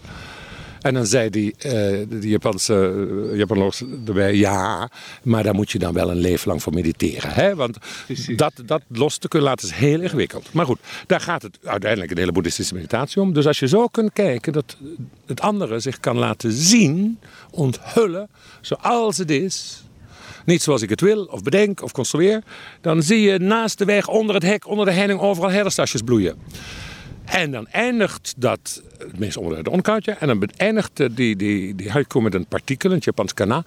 En dat kan je niet vertalen. Dat is, een, dat is een uitdruk, in het Westen vertaalt het altijd met een uitroepteken. Maar het is een uitdruk van diep getroffen zijn, geraakt zijn, door, door een mysterie bewogen zijn. He, daar hadden we het net over. Dat is, dat is dat wonder, waar je plotseling je deel weet van de wereld en in stilte bijna verwonderd zwijgt. Je kan alleen nog maar oh, doen. Hè? Dat moment is, is waar het om gaat. En, en dat moment van, van, van als het anders echt kan onthullen, ja, dan is er een moment van volledig aanwezig zijn in betrokkenheid. En dat is, dat is een wonder. En dat, dat, is, dat is denk ik het diepste dat wij als mensen kunnen ervaren en kunnen realiseren. Waarmee we ook, ons, vind ik, ons hoogste mens zijn realiseren. Want in dat moment is er absolute onvoorwaardelijke betrokkenheid.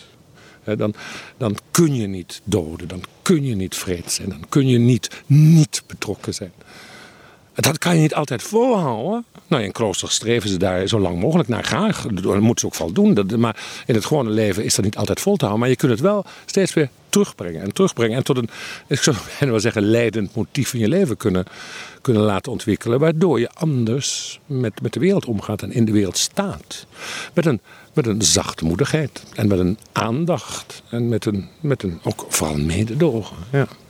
Het vraagt dan van ons om in twee werelden tegelijkertijd te leven.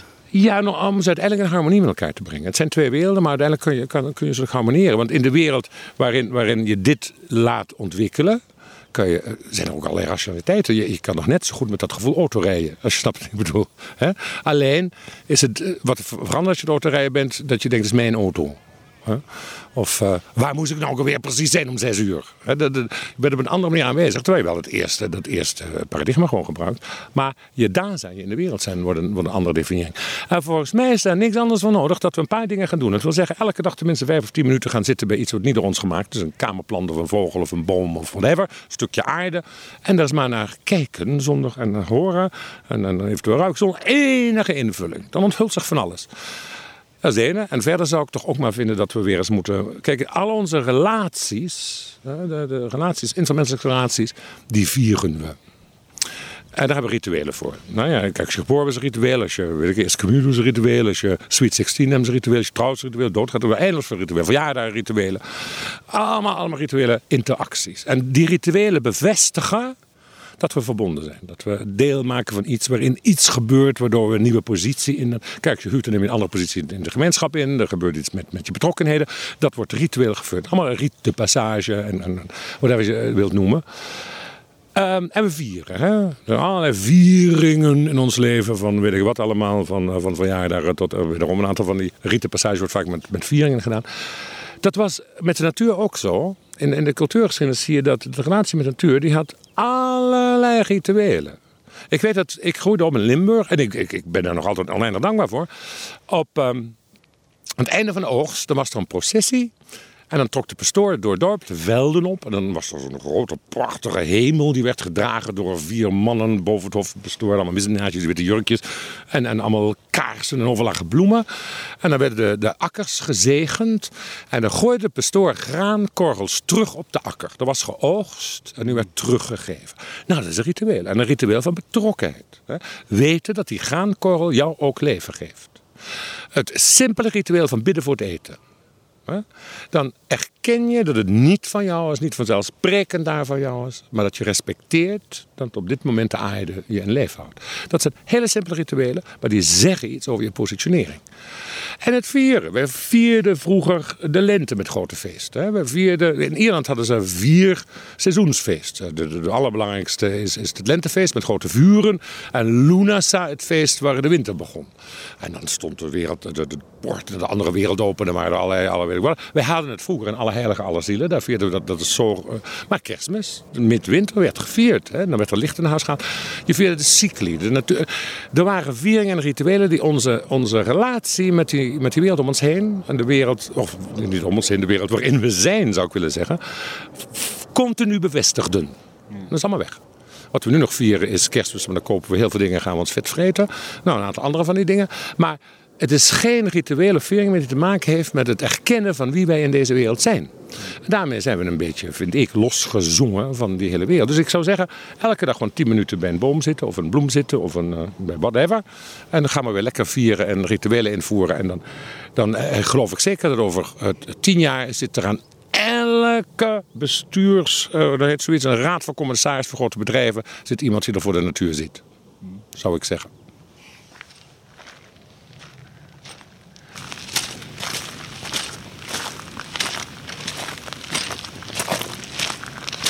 Zijn we er echt bijna. Ja, we zijn er wel achter. Zo, nu zijn we weer, weer een stuk gewandeld. De, de heuvel, het uitkijkpunt, daar is Rotterdam weer.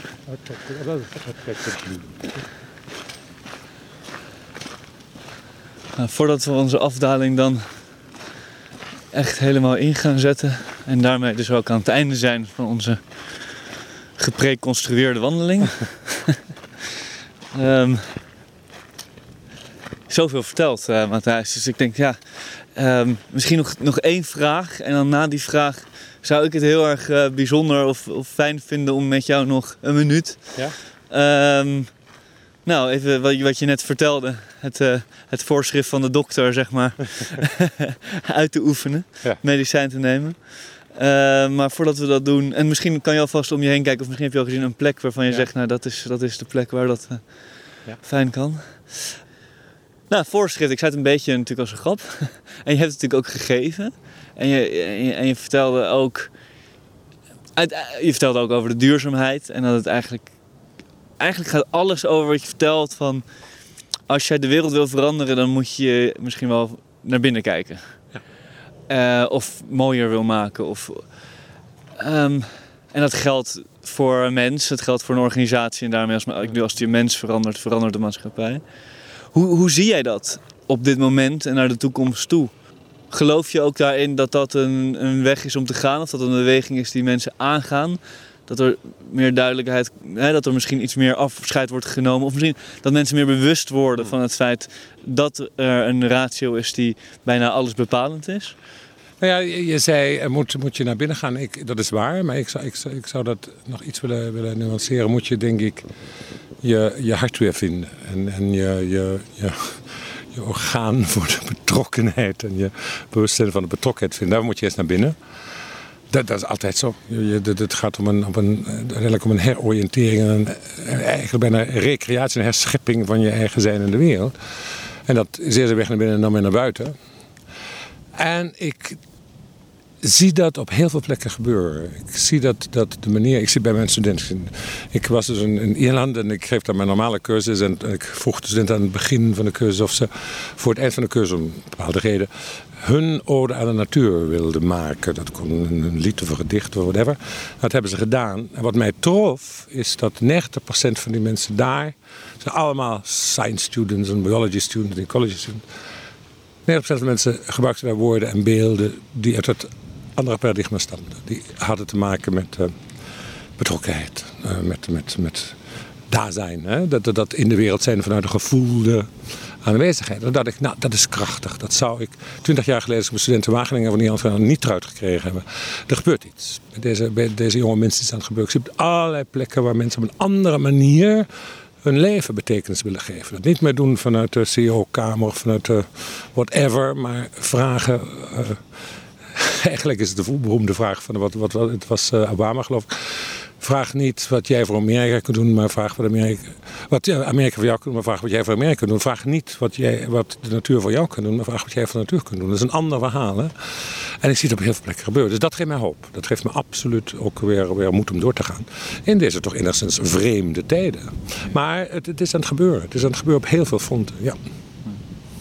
Mooi om daar uh, nou, onderdeel van te kijk, zijn. Louis, ja. En dan staat daar midden in het grasveld een groenigheid, zie je? En ik ga je niet vertellen hoe die heet, want dat weten we ook allemaal. Maar die groenigheid heeft ook allerlei rooiigheden in zich. Fantastische rooiigheden. En dat is een, dat is een merkwaardig verschijnsel hier. Nou, als je nu zonder te weten wat het is, willen weten wat het is, zonder je af te vragen, zonder iets over na te denken, zonder enzovoort, alleen maar opneemt wat daar zich laat zien. Twee minuten lang.